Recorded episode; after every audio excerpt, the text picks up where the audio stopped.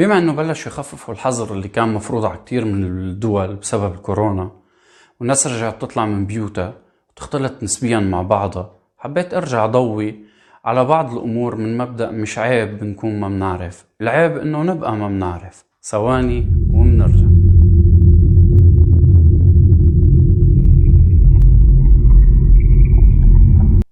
مرحبا. الفكرة اليوم هي عن العيب والمش عيب. واللي رح أذكره هو اليوم عبارة عن أمثلة على سبيل الذكر وليس الحصر مثل ما قلت بأول الفيديو مش عيب نكون ما بنعرف العيب نبقى ما بنعرف. مش عيب نشتغل بوقت من الأوقات بأشغال ما بتلبي طموحاتنا. بس العيب نبطل نحاول نبحث وندور على شغل ونصير طفيليين ونعيش حساب غيرنا. بهالأيام ضاجة وسائل التواصل الاجتماعي بهالفكرة. وكتير ناس عم بتقدم شي حلو إنه هي مرت بحياتها بفترات اختبرت العمل بأمور بسيطة ممكن أو ما بتخصصها وهذا الشي عن جد بكبر القلب هذا شي حلو إنه كتار منا عندهم هاي الخبرة إنه بفترة من فترات آه، نشأتهم وصباهم أو بفترات العمل المدرسي أو الجامعي كانوا بيختبروا هذا الشيء وهذا الموضوع بيعطي خبرة جدا جميلة. وخصوصا بالأعمار الصغيرة. وحتى هلأ بهالظروف اللي نحن فيها رح نحاول نرجع نفوت على سوق العمل حتى لو إنه بعض الأشغال ما بتلبي هالطموحات مثل ما قلت ولكن ممكن إنه ترجع تحطنا بالطريق الصحيح لنرجع نخطط ونحقق كل اللي بنتمناه. هالفكرة بتفتح لنا عدة أفكار. يعني مش عيب نكرر تياب بأكثر من مناسبة العيب نضغط على اللي عم يدخل مصاري على البيت حتى يلبي لنا طلباتنا من دون ما يفرق معنا إذا رح يسرق أو رح يغرق بالدين. بفهم إنه نحن بعصر الصورة بهالأيام وصايرين نحن منلاحق حالنا مثل الصحفيين كيف بيلاحقوا المشاهير مثل الباباراتزي. وين ما رحنا بدنا نتصور هذا الشيء يمكن يخلق فينا الخجل بإنه نظهر بنفس المظهر باكثر من مكان. لا هذا مش عيب.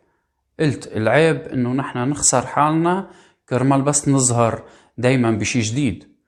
وفكرة تانية كمان إنه مش عيب يكون معي موبايل بسيط بيلبي لي آه، طلباتي يعني واحتياجاتي.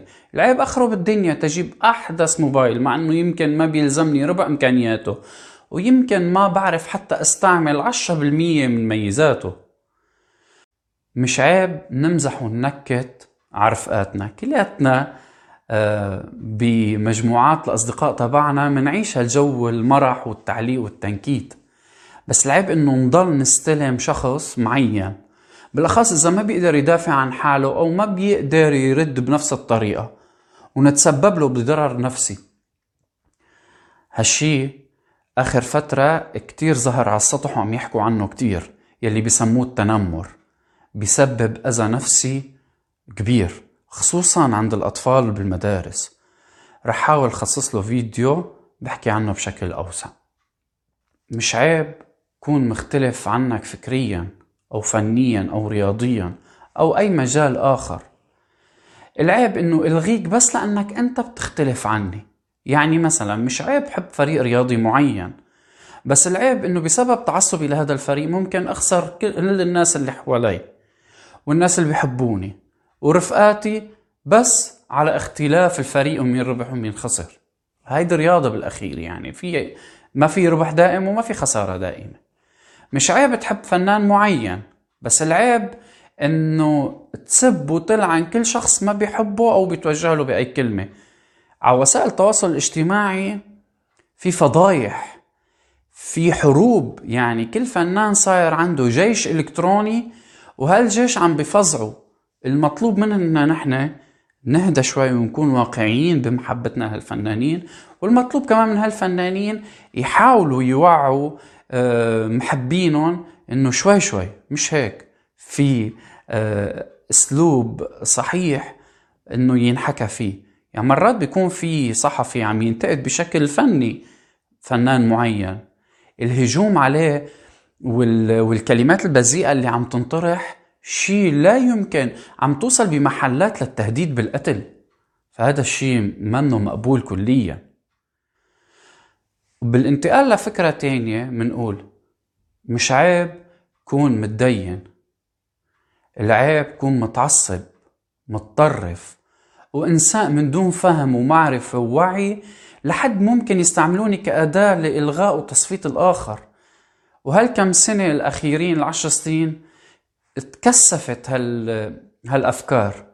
وشفتوا إنه من وراء هالتعصب استعمل شباب كتير حرام وزهقت آه، حياتهم وخربت بلاد من وراء استعمال التعصب الديني والتطرف. في كتير أمور بحياتنا مش عيب إنه نعيشها لا بل حلو إنه نعيشها. بس العيب إنه نعيشها بطريقة غلط. على حساب راحة وحرية اللي حوالينا. مش عيب بعد هالعزل الصحي اللي عانينا منه نرجع ننطلق بالحياة. بس خلونا ننتبه. إن كان بملبسنا أو مأكلنا أو مشاويرنا ونمط حياتنا إنه ما نسبب قهر للناس اللي يمكن خسروا أشغالهم ما قادرين يرجعوا ينطلقوا مثلنا. ما بقى عندهم الإمكانية يرجعوا لحياتهم الطبيعية مثل ما رح نرجع نحن. ننتبه على النقطة اللي ممكن تسبب أذى للآخر بالأخير مش عيب تبلشوا تدعموا الصفحة وتعملوا اشتراك سبسكرايب وإذا عجبكم الفيديو تحطوا لايك وتفعلوا زر الجرس طبعا تيصلكم كل جديد لأنه لسه في أفكار نشوفها مع بعض. أنا بسلم عليكم ونشوفكم بفيديو آخر. والسلام